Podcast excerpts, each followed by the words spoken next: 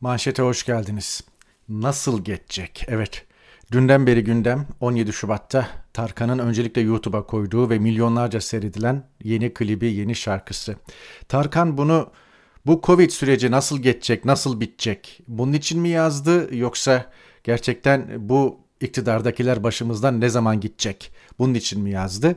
Bu konuda rivayet muhtelif. Ee, karşılıklı açıklamalara bakacağız. Ama ondan önce ileride sıra gelmez e, birkaç e, mühim e, detayı paylaşmak istiyorum. Tarkan'a geçmeden önce. Bizi ne kadar ilgilendiriyor, ilgilendirmiyor veya Türkçe konuşan insanları ne kadar ilgilendiriyor, ilgilendirmiyor bilmem ama benim yaşadığım bölgede çok büyük bir fırtına var. Önce Dudley fırtınası dendi. Şimdi Yunis deniyor. Gerçekten Atlantik'in merkezinden İrlanda ve İngiltere'yi etkisi altına alan hatta İskandinav ülkeleri Hollanda, Danimarka gibi de ülkeleri etkisi altına alan 80 ila 100 mil gücünde bir fırtına. Öyle esiyor ki her şeyi uçuruyor, çatılar uçuyor, ağaçlar devriliyor. Düşünemiyorum böyle bir fırtına acaba e, herkes kendi yaşadığı ülkeden kıyas etsin. Yaşadığınız ülkede veya yaşadığınız beldede olsa ne olurdu? E, şu anda e, İngiltere'nin ana gündemi bu. Birkaç gündür devam ediyordu. Bugün en şiddetli gününü yaşıyor. Fakat ona rağmen hayat devam ediyor. Elbette bazı bölgelerde elektrik kesintileri, gaz kesintileri oluyor. Çünkü fırtına hatlara e, zarar verdiği zaman oluyor. En azından bizim yaşadığımız bölgede şu anda böyle bir durum yok. Fakat her şey olabilir. E, tüm İngiltere'de evlerinizde kalın, e, dışarı çıkmayın uyarısı yapılıyor. Özellikle İngiltere ve Galler bölgesinde yani England ve Wales bölgesinde. Bunu belirtelim ve Ukrayna ile ilgili birkaç e, satır e, söylemek istiyorum. Geçtiğimiz hafta sonu neredeyse savaş çıkıyor, neredeyse çatışma başlayacak, neredeyse Rusya Ukrayna'ya girdi girecek denirken Batı medyasına göre bu hafta birden e, bu ihtimaller geriye atıldı ve adeta Rusya kaynaklı e, bilgilerde daha çok dolaşıma girdi. Rusya'nın Ukrayna sınırından çekildiği, artık eskisi gibi harekatı düşünmediği vesaire gibi. Fakat Batı medyasında bir afallama gözlüyorum. Özellikle Amerika ve e, Moskova'ya göre Amerika'nın ileri sınır karakolu İngiltere e, medyasına e, baktığınızda hayır Ruslar geri çekilmedi her an e, bir harekat olabilir. E, yani esasen bekliyorduk ama niye harekat olmadı falan gibi bir hava var bin kere söyledim bir kere daha söylüyorum. Bu türden haberleri sadece batı veya doğu veya merkez neresiyse veya kendi ülkenizin medyasına göre bakarak algılamaya çalışmayın. Keşke insanlar 3-5 dil, 6 dil, 8-10 dil bilseydi. Ee, Rus medyasında Rusça olarak ne yazılıyor? Alman medyasında Almanca olarak ne yazılıyor? E, Amerikan İngiliz medyasında İngilizce olarak ne yazılıyor, Arap medyasında Arapça olarak ne yazılıyor, Çin medyasında Çince olarak ne yazılıyor. Keşke bunları gözlemleme, bilebilme şansımız olsaydı fakat yok. Olmadığı için etraflıca bakmak zorundayız. E, resimde, e, grafikte daha doğrusu Ukrayna-Belarus sınırındaki NATO ve Amerikan askerleri gösteriliyor ve gördüğünüz gibi sayıları binlerle ifade ediliyor. Ama en az 130 bin Rus askerinin Belarus ve Ukrayna'nın e, doğusunda konuşlandığı e, bilgisi var. Bir çatışma çıktığında bunun galibi belli. Rusya Ukrayna'ya girdiğinde onun bu işin galibi belli. Fakat Batı neden bunu bu kadar istiyor? Neden bu konuda arzulu adeta? Yani savaşı veya Rusya'nın Ukrayna'ya girmesini önlemeye değil de ya gireceksen gir gayri falan e, politikalarını gütmesi nedendir? Bunu ilerleyen e, haftalarda daha iyi anlarız ama şu anda kılıçlar kınına sokulmuş gibi görülüyor. Bu arada Kerimas enteresan bir tweet paylaşmış. Putin bugün de Lukashenko'yu ağırlıyor. Testi geçtiniz mi değil, değil mi? Testi geçtiniz değil mi diye soruyor Putin. Sonra da sarılıyor. Macron'la Scholz e, Rusya genetik kodlarını çözmesin diye Kremlin'in korona testini yapmamışlardı. Ruslar tabii ki Lukashenko'nun tüm DNA'sını zaten ezbere biliyorlardır diyor. Evet yani e, ancak bir önceki manşette göstermiştim. E, Rus Dışişleri Bakanı Lavrov'la arasında bir 8-10 metre mesafe vardı Putin'in. Putin o mesafeyi yani korona, DNA, ne bileyim test falan meselesi işin hikayesi. E, o mesafeyi biraz da dosta düşmana yani kimler bana yakın, kimler bana uzak bunu belki de bir imaj çalışması olarak görüyor ve e, bu şekilde uyguluyor.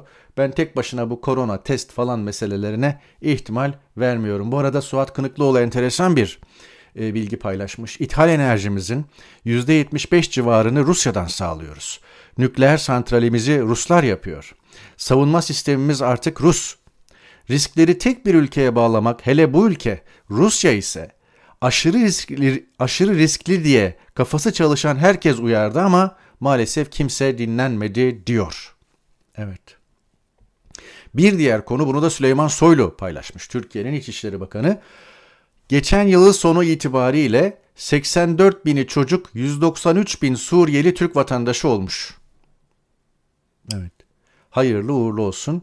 O arada resmi rakamla 3 milyon 700 bin civarında Türkiye'de geçici, geçici koruma statüsünde Suriyeli var diyor. Geçici koruma demiş ama siz bunun üzerine bir bardak su içebilirsiniz. 3 milyon 700 bin daha da fart, daha da artmasın diye gayret gösterebilirsiniz. Bu 3 milyon 700 binden birkaç bini müstesna hepsi artık sizin vatandaşınız. Bugün vermeseniz de ileride vereceksiniz bu vatandaşlığı. Gene geçecek konusuna geçmeden gündemde önemli bir madde omikron meselesi. Uğur Şahin BioNTech'in e, CEO'su biliyorsunuz. Tayma da böyle e, kapak olmuştu e, eşiyle birlikte. Bu iki bilim insanı e, Pfizer-BioNTech aşısını geliştirdi. Uğur Şahin demiş ki dünyanın 10 yıl daha koronavirüsle yaşayacağını öngörüyorum. Devamla virüs temelde mutasyona uğramaya devam ediyor. Çok çeşitli varyantlar dünya çapında hareket halinde. Bunu 2020'de gördük. Yani 10 yıl boyunca bizim aşılarla devam edeceksiniz diyor Uğur Şahin. Umalım ki e, BioNTech milyarlarca dolarlık bir şirket oldu. Bu milyarlarca doları e, kanser araştırmalarına veya amansız dediğimiz ya da çözümsüz dediğimiz, umutsuz dediğimiz hastalıkların tedavisini geliştirmeye harcar harcasın. Gündem dışı son konu artık tartışılmadığına göre Muharrem Sarıkaya'nın tokadına ikinci bir şans kamuoyu tarafından da verilmiş anlaşılan diyor Canan Kaya. Ciner'in soğutma taktiği de karşılığını bulmuş. Medyanın gerçeği işte budur ama değişecek, değiştireceğiz. Umarım e, değişir, umarım değiştirebiliriz hep birlikte. Fakat e, Türkiye'nin yani Türkiye'nin bir hafıza sorunu var ve bu hiç değişmiyor. Bu Muharrem Sarıkaya örneği ne ilk e, ne de son. Ayrıca Türkiye'de kimse rezil olmuyor. E, böyle de bir konu var. Kimsenin rezil olmadığı bir ülkedir Türkiye. E, yani o açıdan rezil olan insanlar da buna güvenerek, buna dayanarak ve hafıza malulü bu topluma yaslanarak yürürler.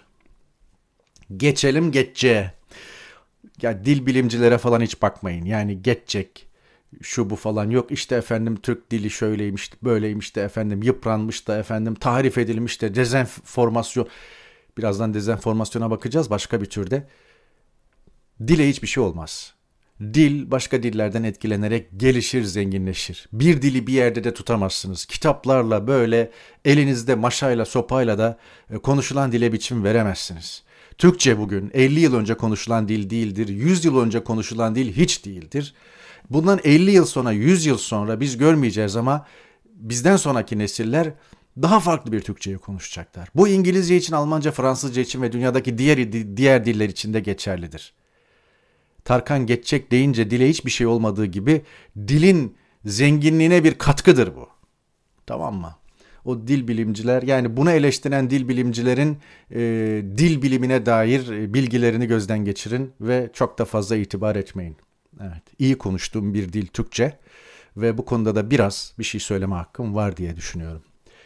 Şimdi milyonlarca izlenmiş e, Tarkan'ın e, Geçecek e, klibi. Trending topik olmuş. E, gidecek gidecek geldiği gibi gidecek. Her şeyin sonu var bu çile de bitecek. Evet bitecek. Türkçe yazıldığı gibi okunan bir dil değildir. Geleceğim demezsiniz. Böyle yazarsınız ama geleceğim dersiniz. Geleceğim. Evet. Bu da öyle bir şey. Gidecek. Her şeyin bir sonu var. Bu çile de bitecek. Evet. Ve işte acaba bununla pandemiyi mi kastetti gerçekten iktidarı mı gönderiyor? Fahrettin Koca herkesin yüreğine su serpen şu tweet'i atarak olayı bitirmiş. Sevgili Tarkan'a Covid salgını ile ilgili mücadelemize sunduğu katkı için teşekkürler. Evet. Tarkan da upuzun bir açıklama yapmış gezegen Mehmet vesilesiyle. Bir yıl kadar önce ruh halimin çok iyi olmadığı bir dönemden geçtim. Pandemi dünyada olup biten üzücü olaylar, insanlığın endişe verici gidişatı, doğanın yok edilişi gibi bir sürü şey beni çok olumsuz etkilemiş. Umudumu kaybeder gibi olmuştum. O anlarda bu şarkının melodi ve sözleri içimde yankılandı diye devam ediyor. Gerisini siz okuyun. Tarkan'ın açıklama yapmasına da gerek yok. Gerçekten e, zekice kaleme aldığı sözler e, iki gündür Türkiye'nin neşesi oldu. Ya da en azından bunalımlı, e, depresyonlu zaman diliminden geçerken toplum en azından biraz böyle fıkır fıkır şıkır şıkır e, işte zilleri taktı, e, umutlandı. Birazdan bakacağız. E, nasıl geçecek diye soruyoruz ama birazdan size bir halk röportajı getireceğim Moonstar TV'den ve orada e, enteresan en, bu son halk röportajında enteresan bir şey gözlemledim. Onu da o röportajı izledikten sonra, o röportajı gösterdikten, o halk röportajını gösterdikten sonra anlatacağım size. Geçecek, geçecek ama kendi kendine geçmeyecek diyor karga kafası çizdiği karikatürde. Evet, bir de işin böyle bir tarafı var. Geçecek, geçecek ama kendi kendine geçmeyecek. Evet. Dil bilimciler bu geçmeyecek lafı doğru mudur yanlış mıdır? Hadi bakalım cevap verin. Evet. Kendi kendine geçmeyecek. Şimdi e, o halk röportajını getireceğim. E, bu halk röportajında enteresan e, bir şey oluyor. Ve hani halk röportajlarında göster telefonunu falan işte üstündeki bilmem kaç para biliyor musun falan gibi elindeki çanta bilmem ne filan ee, ya da bazen de böyle çok kilolu birisi denk geliyor. Sen de bayağı semirmişsin yani hiç de fakire fukaraya benzemiyorsun falan diyenler de oluyor. Çok çok tuhaf. Fakat enteresan bir detay var bunda. Ee, ilk bir iki dakikasını getireceğim ekrana. Ee, devamını siz Moonstar TV'de seyredersiniz. Birlikte izleyelim, üzerine konuşacağız. Bir daha söylüyorum, bir daha söylüyorum. Geçen bir kadın, iki patates, üç tane domates, 5-6 yeşil biber kadın ağlayarak gitti. Kilosu 50 milyon abi. Adam çorba yiyip de kalkanlar var. Çorba çorba. Çorba içe makarnayla. Ya bir çorba Benim vergilerim nereye gidiyor benim? Paralarım nereye gidiyor? Nereye gidiyor vergilerim? Bu çocukların paraları nereye gidiyor? Onu, onu, onu, onu, onu böyle. Yaptı.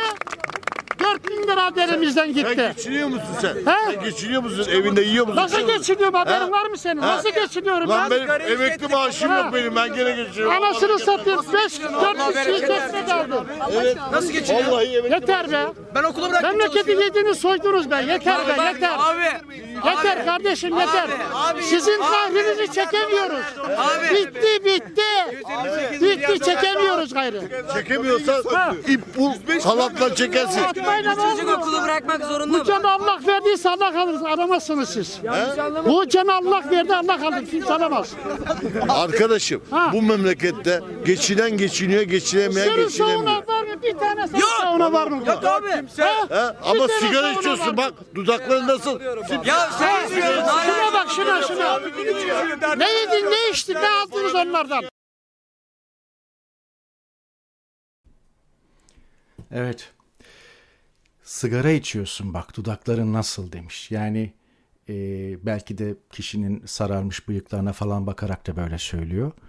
E, bu halk veya bu grup karşısında AKP'yi veya iktidarı savunan veya Erdoğan'ı sa- savunan birine karşı adeta 8-10 kişi birden ona bir şeyler söylemeye çalışıyorlar. Karşısında da her şeye bir şey söyleyen ve asla ikna olmayan ve iktidarı e, sınırsız ölümüne savunan biri var. İşte bu hemen ekranın sağındaki yaşlıca kişi. Kızlar, erkekler, hatta orada gençler telefonlarını da çıkartmış bunu çekmeye çalışıyorlar falan. İlerleyen dakikalarda o da var. Yani işte göster telefonunu diyor bana. İşte benim telefonum şu kadar falan diye anlatıyor. Bu röportajın tamamını seyredersiniz Moonstar TV'de. İşte bu vatandaş, sağdaki vatandaş, e, AKP'li işte her şeyi savunuyor. Bu röportaja çıkan üç şey var. Bir tanesi kesinlikle ne anlatırsanız anlatın, ne derseniz deyin, gözü, zihni, algısı kapalı bir kitle var. Duymuyor sizi ve e, siz ne söylerseniz söyleyin, belgeli bilgili de olsa, delilli de olsa buna karşı bir argüman geliştiriyor. İnanmış yani. İman etmiş. Hiçbir şeyi değiştiremezsiniz adeta. İki, bak genç bir şey anlatmaya çalışır ama adam hiç orada değil yani. İki, eskiden sokak röportajlarında insanlar çekinerek konuşurlardı. Yani sağa sola bakardı. Ya da böyle gerçekten fütursuz birileri çıkarsa sokağa çıkan insanlar veya sokak röportajı yapanlar kendilerine e, tabir yerindeyse habercilik tabiriyle söyleyeyim malzeme bulurlardı. Hani bir sokak röportajı çıkmış. En azından muhalif en azından itirazı olan birilerini bulmak ne kadar zor değil mi filan. Bulduğunda da işte onu konuşturmaya çalışıyor.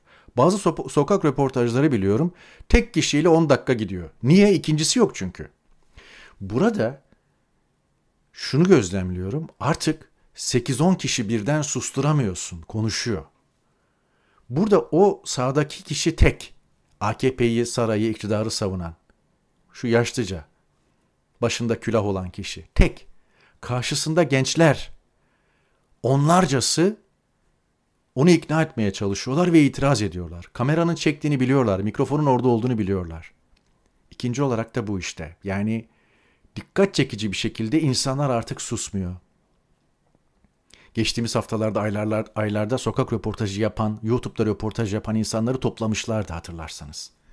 Şimdi kaç kişiyi toplayacaklar? Yani bir milyon kişi ses verirse bir milyon kişi alacak cezaevi yok. 5 milyon kişi ses verirse 5 milyon kişinin üzerine salacakları polis yok. Öteden beri anlatmaya çalıştığımız bu. Bu sokak röportajında onu gördüm. Onlarcası artık isyan ediyor. 3. İşte mesela göster telefonun hikayesi. Bak bu, bu genç de elindeki telefonla bir şey anlatmaya çalışıyor. O kadar arsızlar ki adamın sararmış bıyıklarına bıyıklarını işaret ederek bak sigara içiyorsun, sigara içmişsin. Yani sigaraya parayı buluyorsun sonra da geçinemiyorum diyorsun diye arsızlık yapıyor. Ya arsızlığın sonu yok. Gerçekten yok. Enteresan bir konu. Evet, gençler cebindeki telefonla. Aynı zamanda o telefonla işte asgari ücret falan mukayesesini de yapıyorlar bu, bu röportajda. Bakın ben benim yaşadığım İngiltere'de iPhone fiyatını vereceğim. En popüler telefon olduğu için bu bahsi kapatacağım. Bakın e, İngiltere'nin Apple sayfasına girdim. Burada iPhone 13 Pro yani iPhone'un en pahalı modeli iPhone 13 Pro kaçtan başlıyormuş? Yaklaştırayım fiyata bakın. iPhone 13 Pro 949 pound'dan başlıyor. Pro Max ise büyük modeli 1049 pound'dan başlıyor. Bugün İngiltere'de bir aylık asgari ücret 949'un da üstünde, 1049'un da üstünde. Yani İngiltere'de bir asgari ücretli iPhone'un en pahalı modelini ister büyüğünü ister küçüğünü ya da ya da ister normalini ya da ister max modelini bir aylık maaşıyla rahatlıkla alabiliyor. Bir asgari ücretli. Evet, diğer meslek gruplarına girmiyorum. Evet. Geçecek geçecek ama kendi kendine geçmeyecek. Evet nasıl geçecek konulu yayınımız devam ediyor. Yaşam memnuniyeti araştırması yapılmış ve yapan e, bir bağımsız, özerk falan araştırma kurumu değil. Yapan TÜİK. Yaşam memnuniyeti 2021 araştırması ve bu da TÜİK'in kendi grafiği. Türkiye'nin %49.3'ü mutlu diyor. Bu mutluluktan görmüş ama e, çevirdiğinizde Türkiye'nin %51'inin mutsuz olduğu ortaya çıkıyor. Ve bunu iktidara bağlı, saraya bağlı, başkanı daha geçenlerde değişen TÜİK açıklıyor. Diyor ki Türkiye'nin %51'i mutsuz. Evet. Kadınlara göre, erkeklere göre bireylerin mutluluk kaynağı vesaire yürüyor. Böyle bir Türkiye. Tayyip Erdoğan'ın açıklaması çokça konuşuluyor. Açıklamasında enflasyonu ve hayat pahalılığını kabul ettiği üzerinde duruluyor. Ve nihayet işte Erdoğan enflasyon hayat pahalılığını kabul etti falan böyle deniyor. Ama ondan daha mühim bir şey var onu göstereceğim. Tabi Erdoğan elbette sokakta canımızı yakan fiyat artışları var. Bunların hepsi de geçicidir filan diyor. Erdoğan'ın gerçekten canı yanıyor mu yanmıyor mu ee, buna bakacağız.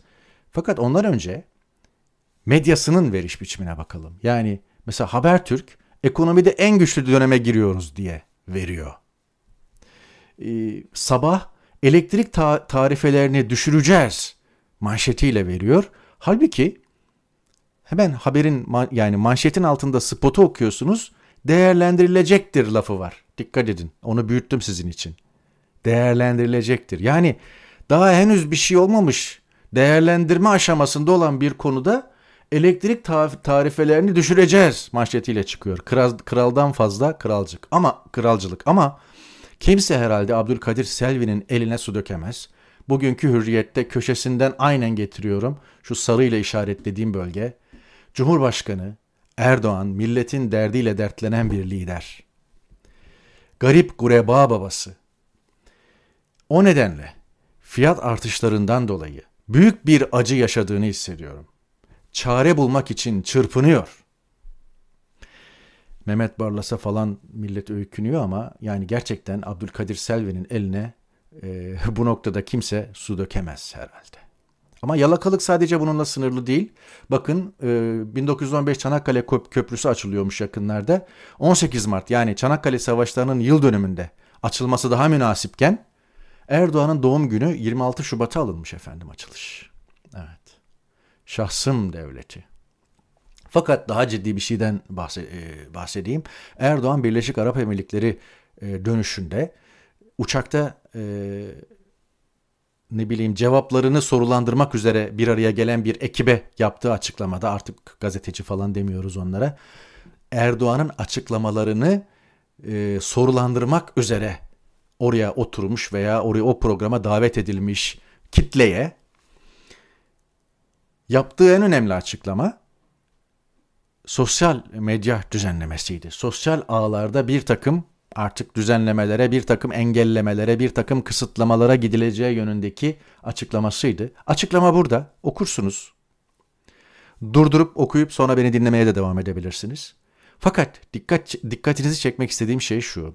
Bu bir paragraflık açıklamada sosyal ağlar, internet, YouTube, Twitter, TikTok aklınıza ne gelirse bu bir paragraflık açıklamada dört kere dezenformasyonla mücadeleden bahsediyor ve dört yerde dezenformasyon kelimesi geçiyor. Peki bu dezenformasyona kim karar verecek, neye karar verecek? Yani e, bu iletişimde, bu bilgi akışında, bu haberde bir dezenformasyon var. Kime göre, neye göre ve kim karar veriyor? Evet. Ee, 2023'te gerçekten büyük bir kırılmaya doğru gidiyor Türkiye ve e, Erdoğan'ın çatlak seslere değil, çatlak sese dahi tahammülü yok. Bu net bir biçimde anlaşılıyor. Bir diğer konu daha var. Ee, hani Erdoğan kabine toplantısından sonra bir takım şeyleri açıkladıktan sonra hani nerede alkış diyor ya. Emre Ulaş da bunu güzel çıkmış. E hani alkış? Sağa sola her tarafı kazıkların önünde açıklama yapıyor Erdoğan. Eskiden Erdoğan ve liderler, siyasi partiler veya gerçekten hani bir şey söyleme derdinde olanlar alkış falan çok olunca ya bir dakika tamam durun. Yani ben diyeceğimi diyeyim yani böyle alkışlarla kesmeyin konuşmamı falan derler. Doğrusu da budur yani. Alkış bir iki tamam normal karşılanabilir ama bir noktadan sonra konuşmanın ve konuşmacının ins- insicamını bozar. Erdoğan'ın da geçmişte böyle yapmışlığı var. Çok uzun yıllar önce yani 10-12 sene 14 sene önce yaptığı konuşmalarda. Fakat burada alkış istediği kitle bakanlar, kendi atadığı bakanlar.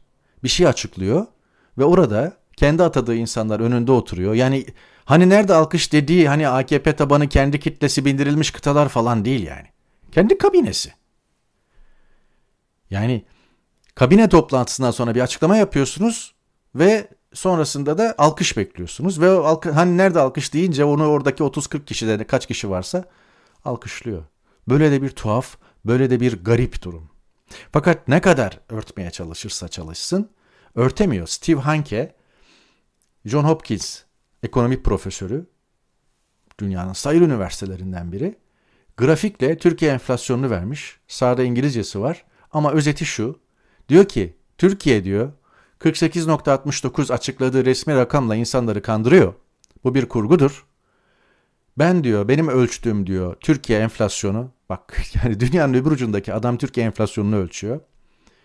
Ve elbette mutlaka bir ekonomi profesörü de olduğu için e, enflasyonla yaka paça olan ülkeler belli ki radarında. E, sadece Türkiye'yi değil yüksek enflasyonlu Venezuela, Brezilya, Arjantin falan gibi ülkelere de bakıyordur Steve Hanke. 108.75 olarak ölçtüm diyor. Evet. 114, 115 gibi bulmuşlardı. %114, %115 gibi bulmuşlardı. ENAK grubu. İstanbul Büyükşehir Ekrem İmamoğlu ile ilgili bir iki cümle e, kuracağım ama ondan önce Büyükşehir'in topladığı bağışların bağışlara da, dahi tahammül olmaması ve onun da kaymakamlık vesaire kararıyla e, defterdarlık hesabına aktarılması falan iktidarın korkusunu gösteriyor.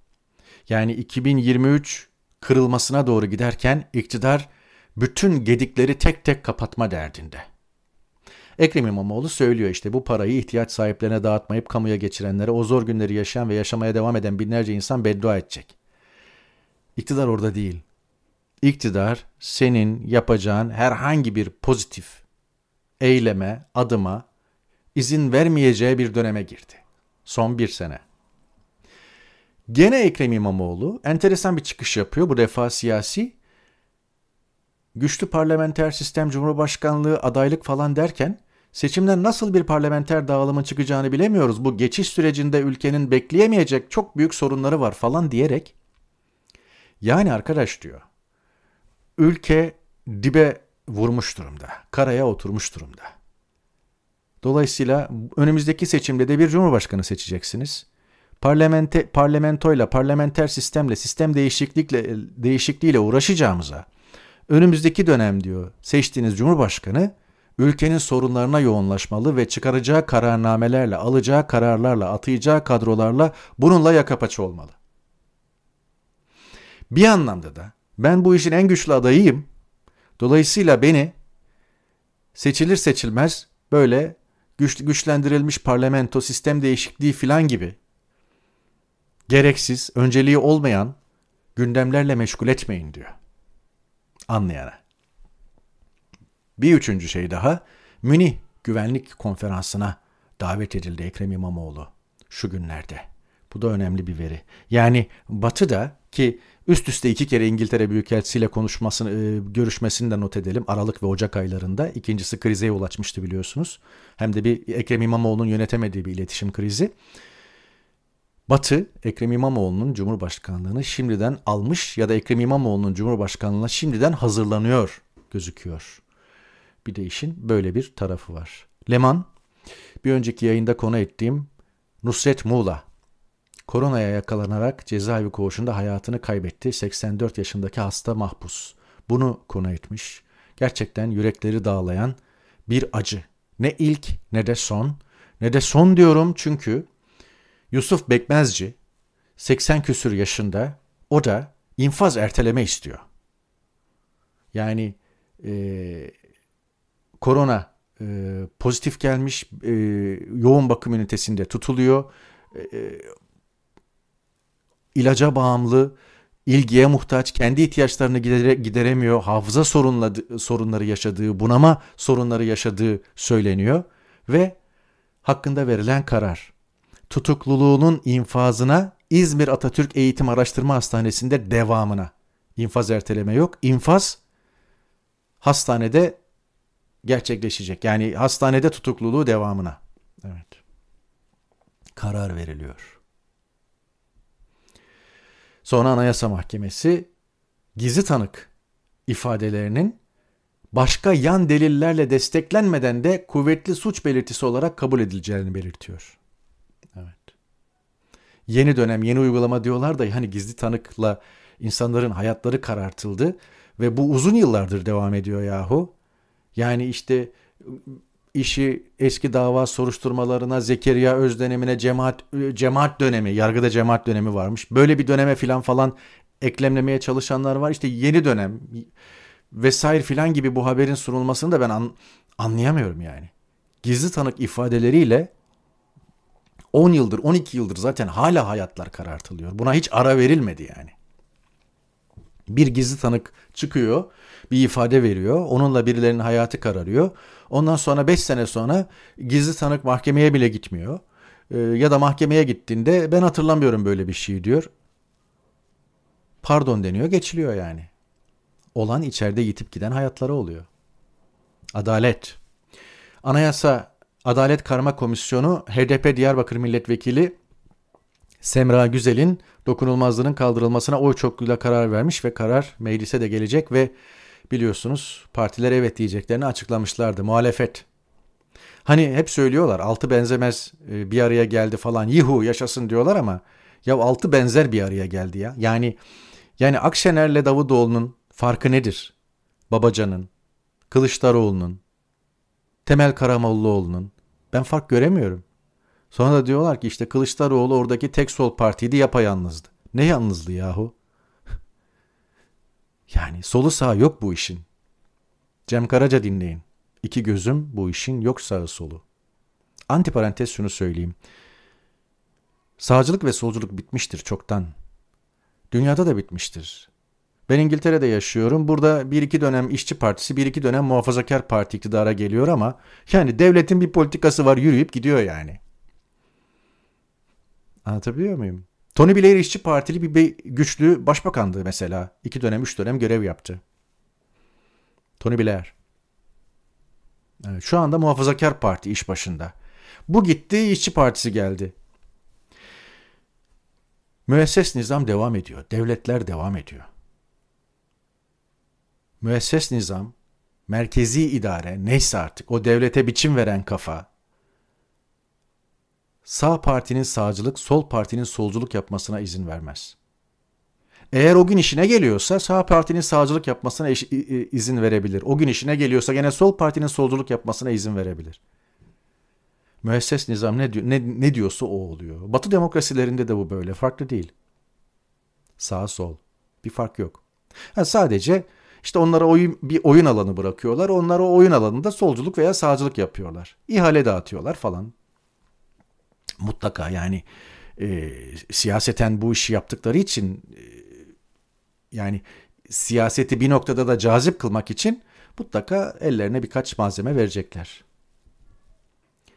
O arada Metin Gürcan hakkında siyasi askeri casusluk suçlamasıyla hazırlanan iddianame kabul edilmiş. 35 yıla kadar hapis cezası talep edilmiş. Mahalle unuttu yani bu haber çıktı ama yani kimse bu haberden bahsetmiyor bile.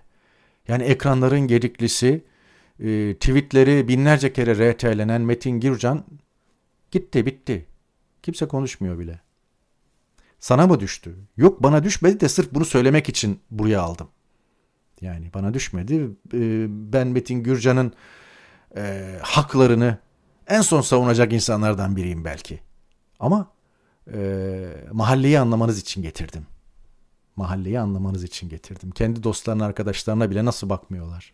Orada gazeteci Alican Uludağ bir dönem çalıştığı Cumhuriyet'in önemli bir açığını yakalamış. E, Cumhuriyet'in internet sitesinde Mustafa, e, Mehmet Cengiz, Cengiz Holding'in e, reklamını görmüş. Yani diyor ki ya arkadaş e, aldığı kamu ihaleleri ve doğaya verdiği zararla bilinen bir patronun holdinginin reklamını almak ilkesizlik değil mi? Öyle de yani Cumhuriyet Gazetesi ne zamandır ilkeden, ahlaktan, e, rotadan sapmış bir durumda yani. Mehmet Cengiz'in de ilanını alır. Ne bileyim Nihat Özdemir'in de ilanını alır. Kalyoncu'nun da alır. Demirören'in de alır. Hepsinin alır yani. Son notum İngiltere'den. Londra polisi Prens Charles'ın yardım kuruluşunun yardım kuruluşu tarafından bir Suudi Arabistan vatandaşına bağış karşılığı vatandaşlık verildiği ihbarı üzerine inceleme başlatmış. Ee, Charles tarafı da bunu reddediyor ama kraliyet ailesi epey zorluk yaşıyor son dönemde. Prens Andrew e, bir rivayete göre 11 bir rivayete göre 12 milyon sterlin karşılığında Amerika'da devam eden hakkındaki taciz tecavüz davasını neyse e, istismar davasını anlaşma yoluyla çözmüştü. Şimdi o parayı nasıl ödeyeceği falan konuşuluyor. Böyle bir parasının olmadığı ama kamu kaynaklarıyla falan filan ödemeye kalkarlarsa da kamu ayağa kalkar falan gibi bir tartışma var. Öbür taraftan da Charles'ın e, bir Suudi Arabistan vatandaşına e, bağış karşılığı vatandaşlık verdiği e, ihbarı yapılmış. Ne kadar bağış verdiği, kişinin ne kadar bağış yaptığı Suud vatandaşının ya da işte Suud iş adamının bunlar bilinmiyor. Fakat şu var, İngiltere göçmen yasasını değiştiriyor. E, bütün batıda benzer bir e, rejime doğru gidişat gözlemliyorum. Bu vesileyle onu söyleyeyim. E, Prens Charles'ın bir Su Suudi iş adamına bir şey vermesi, bir iltimas sağlayıp sağlamaması değil mesele. Mesele şu. İngiltere yakın zamana kadar bu ülkede 2 milyon sterlin yatırım yapana 5 yıl oturum veriyordu. 5 yılın ardından vatandaşlık. 5 milyon sterlin yatırım yapana 3 yıl oturum veriyordu. 10 milyon sterlin yatırım yapana da yine aynı şekilde 2 yıl içerisinde vatandaşlık veriyordu. Yani yatırım yaptığınız rakama 2 milyon sterlin, 5 milyon sterlin, 10 milyon sterlin yatırım yaptığınız rakam ne kadar artarsa bekleme süresi o kadar azalıyordu. Yani 10 milyon sterlin yatırım yapan kişi 2 yıl sonunda İngiliz vatandaşlığına yürüyebiliyordu. 2 milyon sterlin yapan yatırım yapan kişi 5 yıl sonra İngiliz vatandaşlığına yürüyebiliyordu. Bunları kaldırıyor şu anda ve e, tabi bu kuralla pek çok kişi geldi geçti ayrı bir konu. Bunu, bunu kaldırıyor ve göçmen rejimine, vize şartlarını ve elbette iltica koşullarını da güçleştireceği e, bu konuda çok sıkı tedbirler alacağı e, görülüyor. Dolayısıyla bir Suudi iş adamının e, Suudi iş adamı için 2 milyonun 5 milyonun e, çok fazla bir önemi yok. Prens Charles'a da ihtiyacı yok. Ama belki de e, gelişmeleri veya işte bu süreci daha hızlandırmak için böyle bir e, talepte bulunmuş olabilir. Bilmiyoruz. Bir manşeti daha böylelikle noktaladık efendim. Nasıl geçecek? Sorusuna cevap verebildik mi? Bilmiyorum. Ama cevabı değerli seyircilerin takdirine bırakıyorum. Herkese iyi hafta sonları. Pazartesi tekrar görüşmek umuduyla.